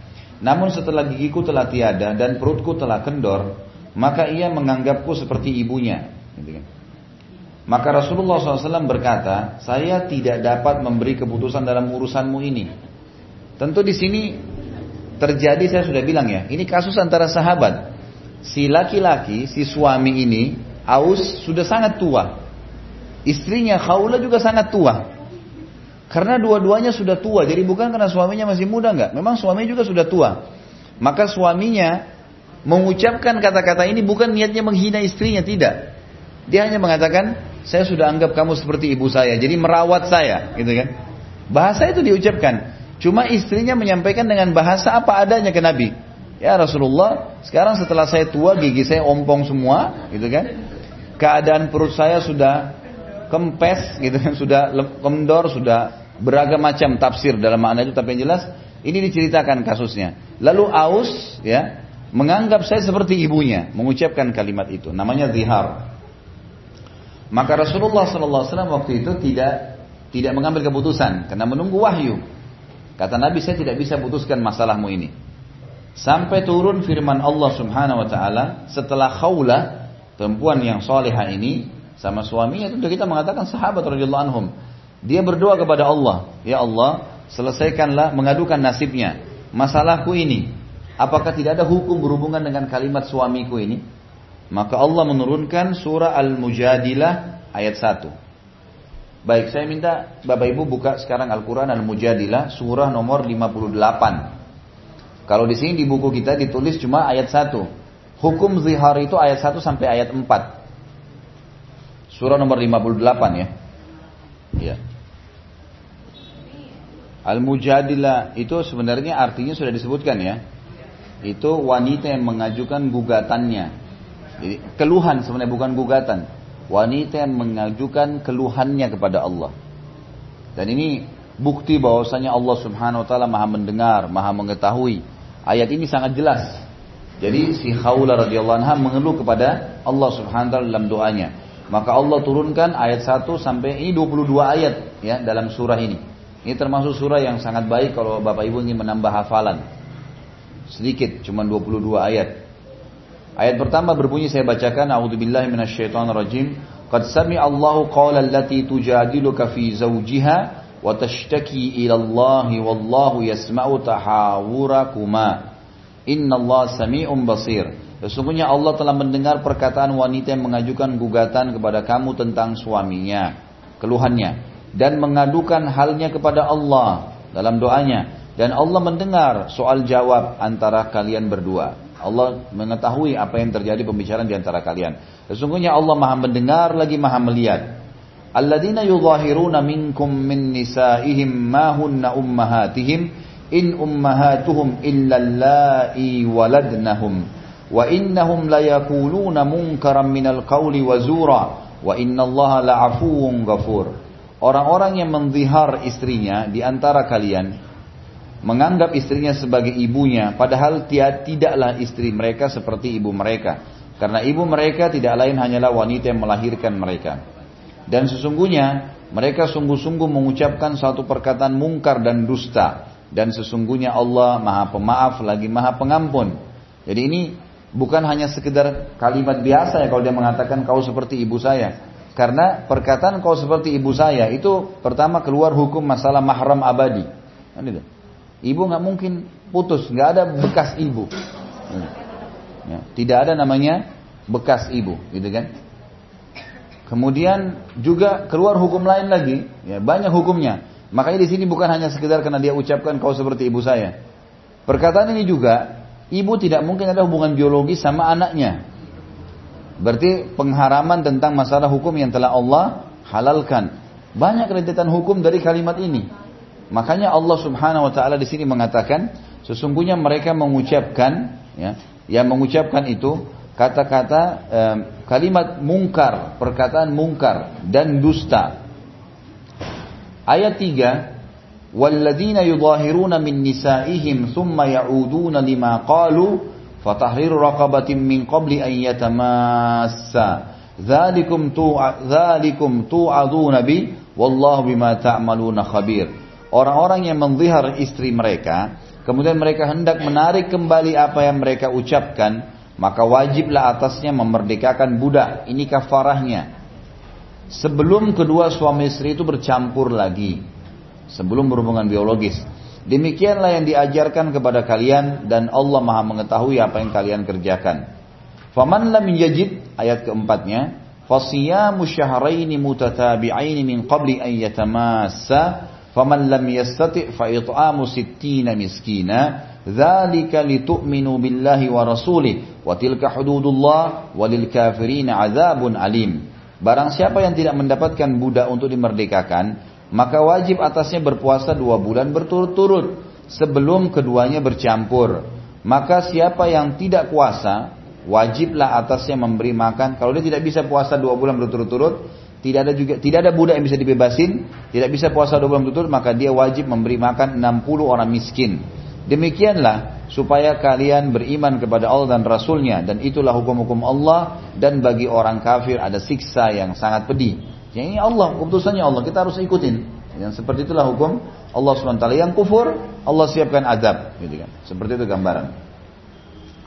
Ini yang dimaksud dengan footnote tadi, Sampai Allah menurunkan firman-Nya untuk menjawab permintaan dari Khawlah tadi radhiyallahu anha.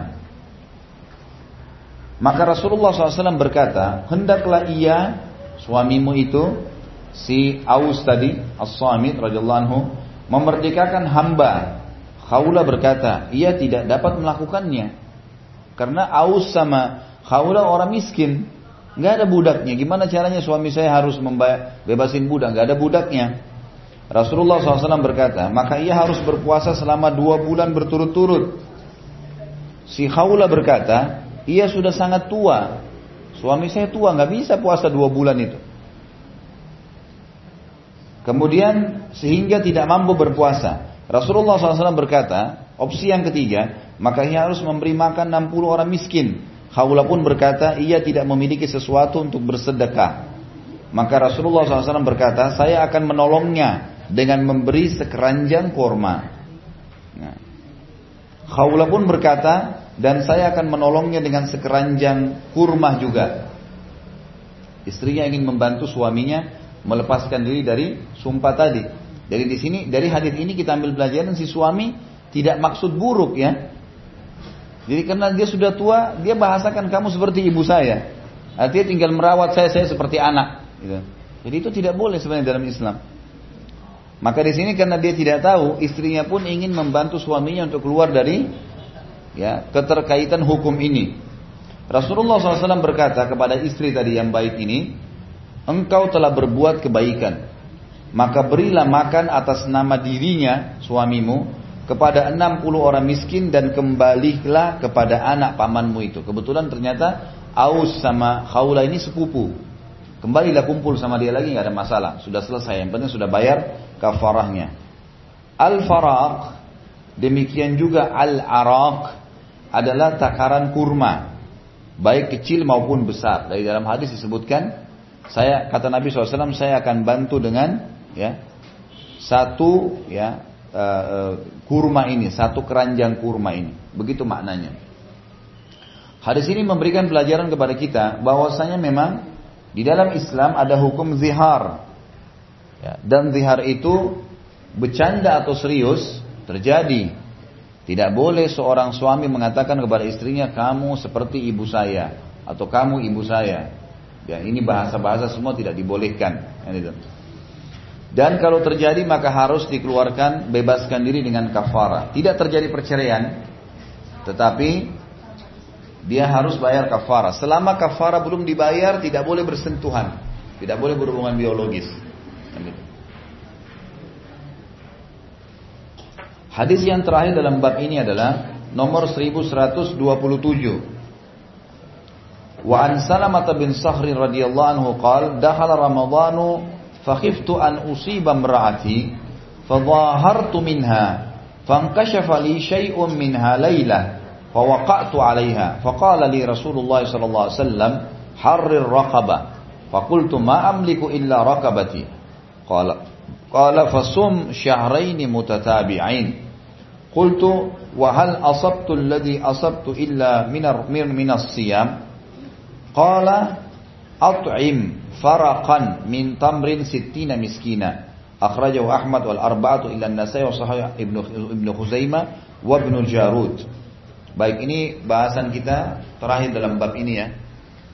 Salama bin Sahar berkata radhiyallahu anhu, bulan Ramadan datang dan aku takut khawatir berkumpul dengan istriku. Aku takut nanti berhubungan badan sama dia. Ramadan nggak boleh kan?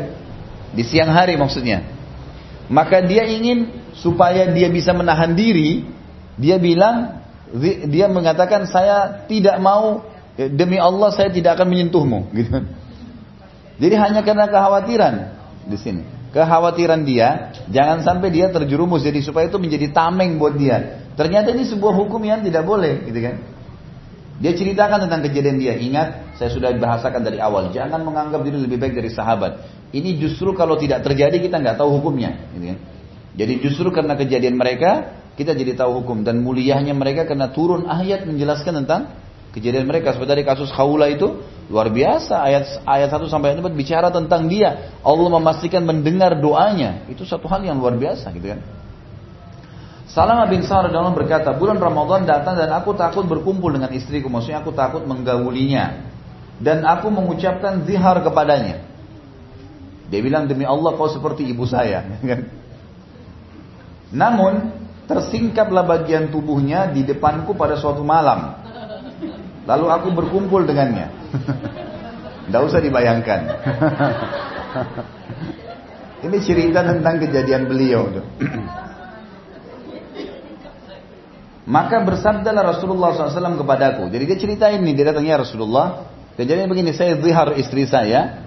Tapi satu, karena tidak mau, takut Ramadan saya menggaulinya, nanti batal puasa saya gitu. Tapi satu malam, tersingkap, saya gauli dia. Sudah terlanjur sumpah sama Allah, itu kan? Maka Nabi SAW mengatakan, merdekakanlah seorang budak, bebasin budak. Dia mengatakan, sebenarnya di sini maknanya bukan merdekakan seorang budak ya, bebasin orang yang sedang terlilit lehernya. Raqabah itu, istilah raqabah dalam bahasa Arab artinya orang yang terantai lehernya. Budak dikatakan dengan istilah raqabah karena lehernya terikat oleh tuannya, dia bisa diperjualbelikan. Kata Nabi, bebasin leher yang sedang terikat. Bahasa sederhananya sebenarnya bebasin budak. Maka jawaban sahabat ini, saya tidak memiliki leher yang bisa bebasin kecuali leher saya. Jadi ini terjemahnya keliru ya. Bapak Ibu sekalian diperbaikin. Aku tidak memiliki kecuali seorang budakku ini keliru. Bukan begitu maksudnya.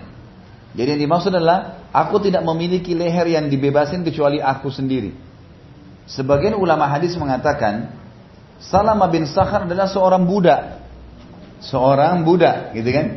Sehingga dia sendiri budak. Dia bilang bagaimana saya bebasin budak? Sementara saya sendiri dalam keterbudakan. Ini makna hadisnya ya. Jadi di sini aku tidak memiliki kecuali seorang budakku. Ini keliru terjemahnya. Maksudnya aku sendiri dalam keterbudakan. Ini kan, terjemahan yang clear, jadi harus diperbaikin ya.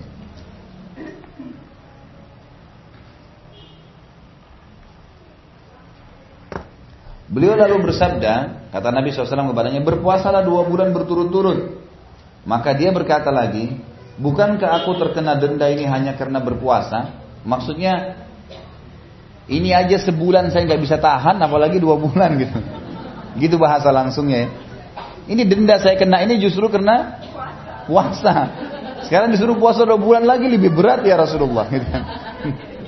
Jadi itu bahasa itu maksudnya ya.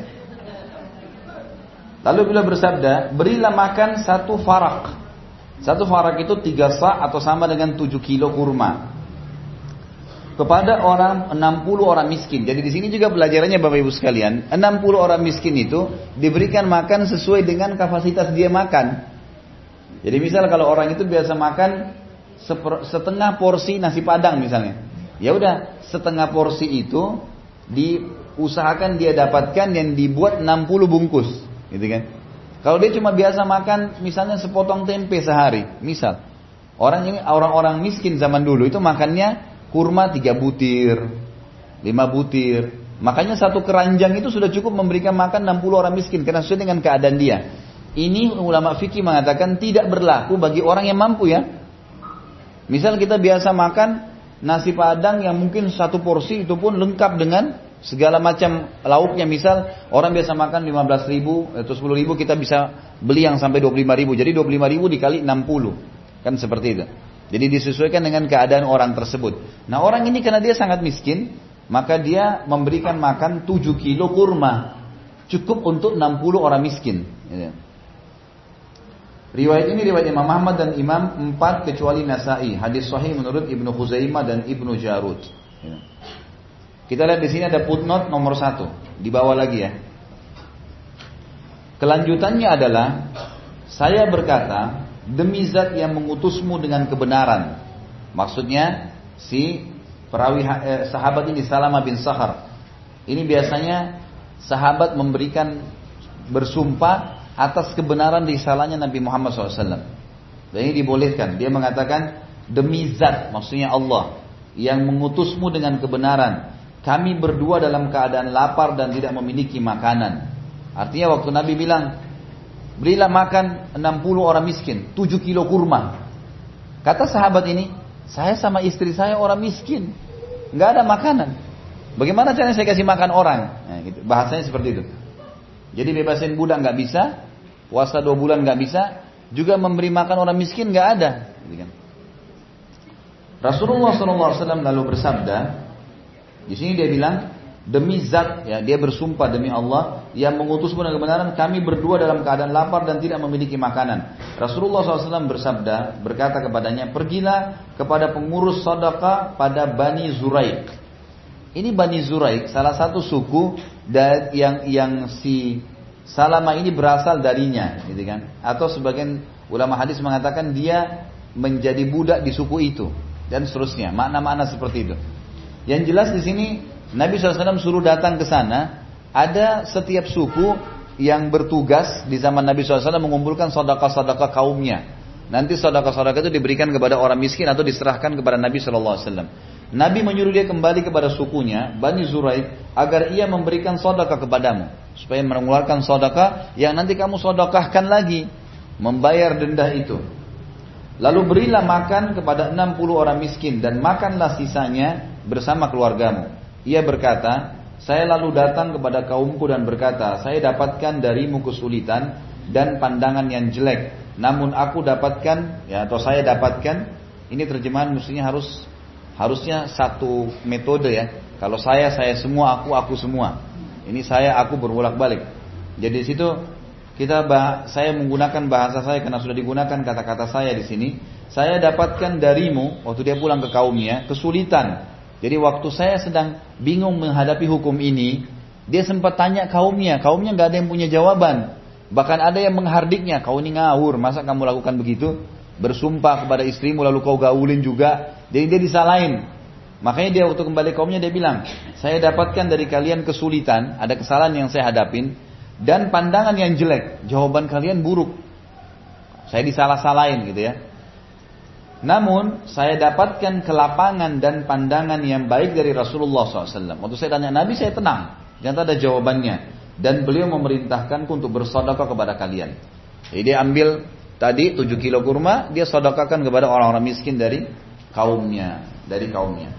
Jadi hadis ini menjelaskan kepada kita tentang masalah eh, sudah selesai ya.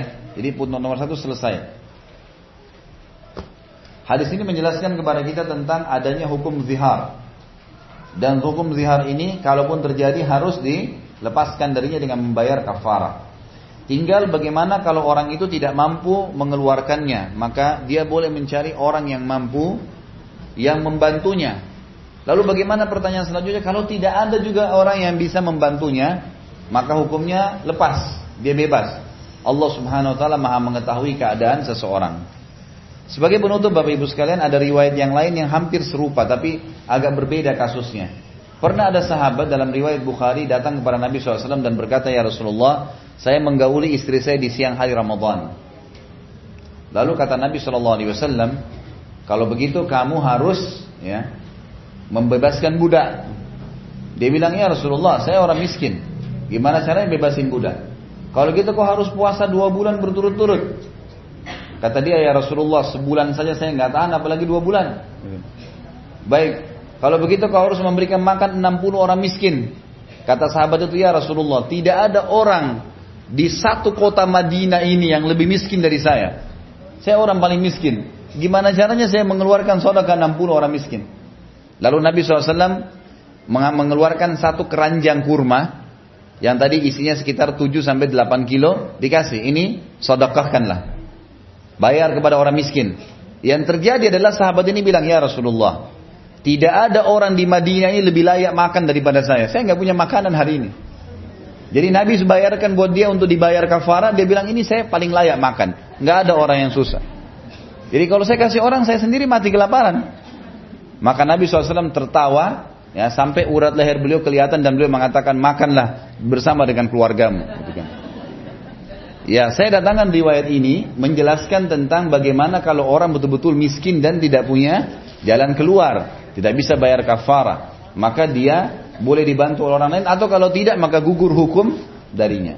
Hukum gugur darinya. Insya Allah nanti ke depannya kita lanjutkan di bab li'an, yang ini mungkin tidak bisa dijelaskan sekarang kena waktu. Ada yang mau bertanya sampai sini?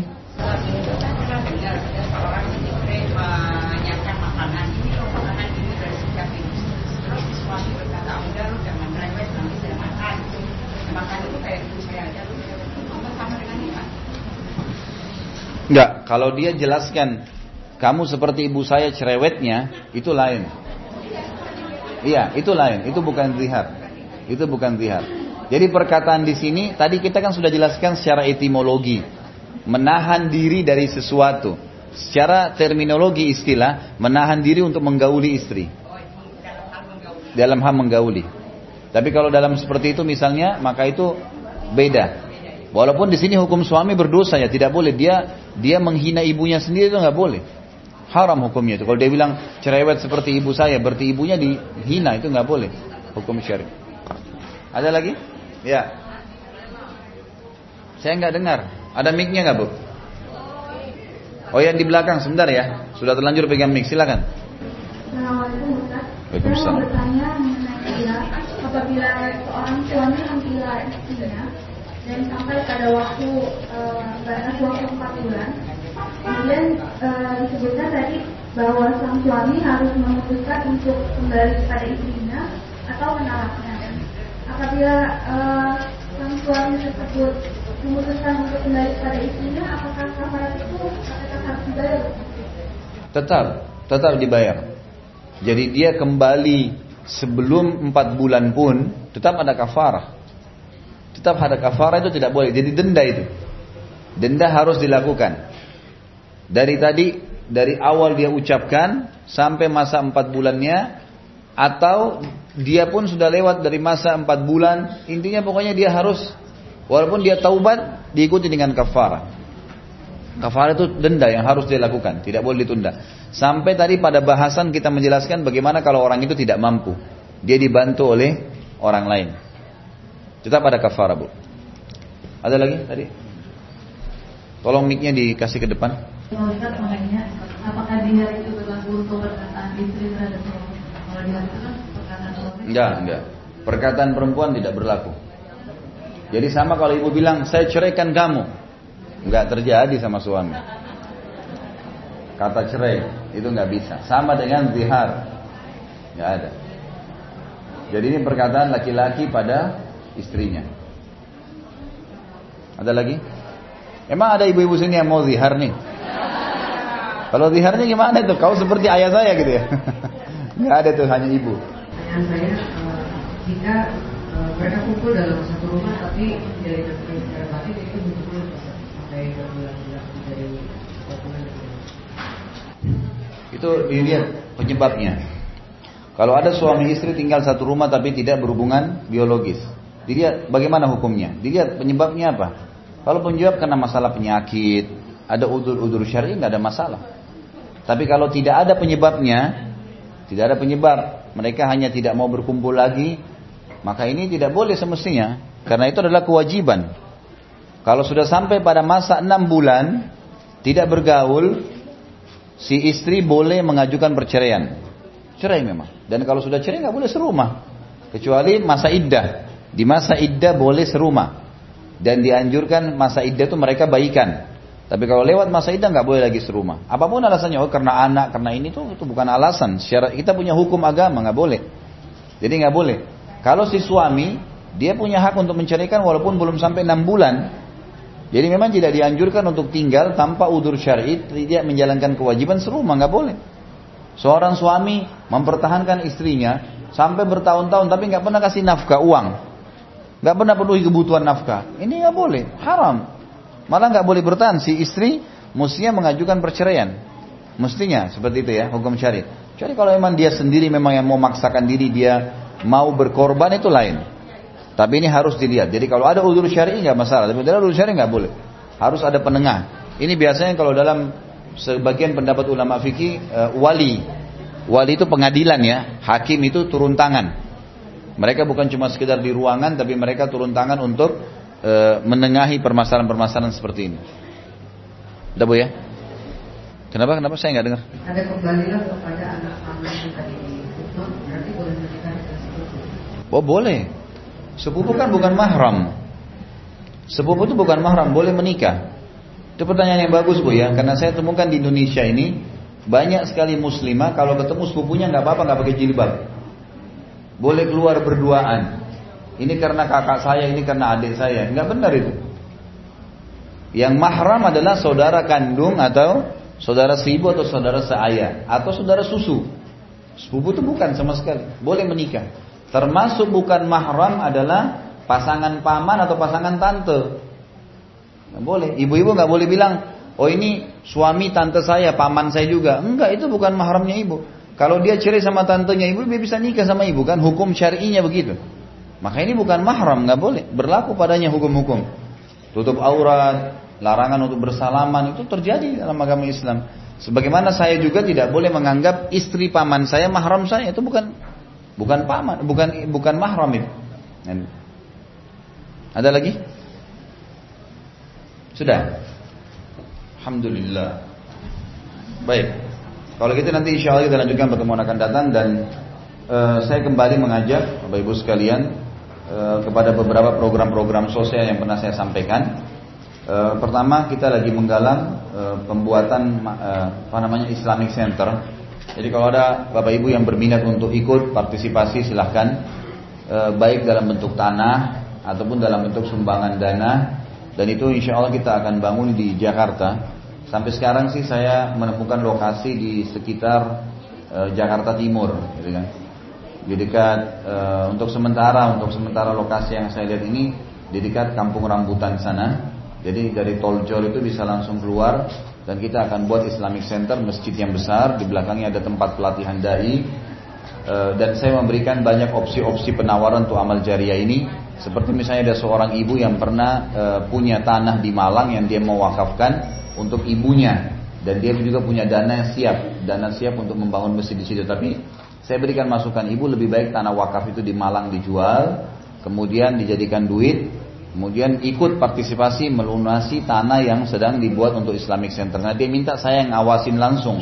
Maka saya bilang kalau mau saya awasin maka Islamic Center karena saya niat di belakang Islamic Center itu saya juga akan tinggal nantinya sehingga saya akan jadi imam di masjid itu insya Allah dan saya akan adakan taklim setiap hari.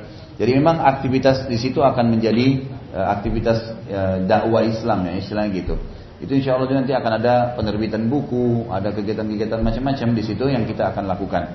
Kemudian yang lainnya uh, masalah penggalian sumur masih berjalan. Kalau ada yang ikut, kemudian motor untuk dai masih tetap juga berjalan. Alokasi zakat mal, kemudian alokasi bunga bank untuk kegiatan sosial kegiatan perbaikan jalan, paving blok, selokan dan seterusnya. Itu juga masih berjalan dan banyak kegiatan yang lainnya. Apa pun yang Bapak Ibu terpikir untuk melakukan kegiatan sosial bisa kontak saya. Kemudian nanti saya akan pandu untuk kegiatannya. Baik mengambil ide ataupun ikut dengan saya. Ide pun boleh. Misal saya punya dana sekian, idenya Ustaz seperti apa. Nanti saya sampaikan ide seperti ini. Bisa ibu jalankan atau bapak jalankan di tempat sendiri, di kampungnya, di tempat orang tua dan seterusnya. Atau mau partisipasi dengan yayasan saya juga jelas. Bisa saja insya Allah. Baik sebagai penutup kita berdoa kepada Allah Subhanahu wa taala, semoga Allah memberkahi majelis ilmu kita ini, menjadikan ini tambahan pahala di timbangan amal kita hari kiamat. Semoga semua orang yang sakit disembuhkan penyakitnya, semua yang terlilit utang dilunasi utangnya, semua yang punya masalah dimudahkan dan diselesaikan oleh Allah Subhanahu wa taala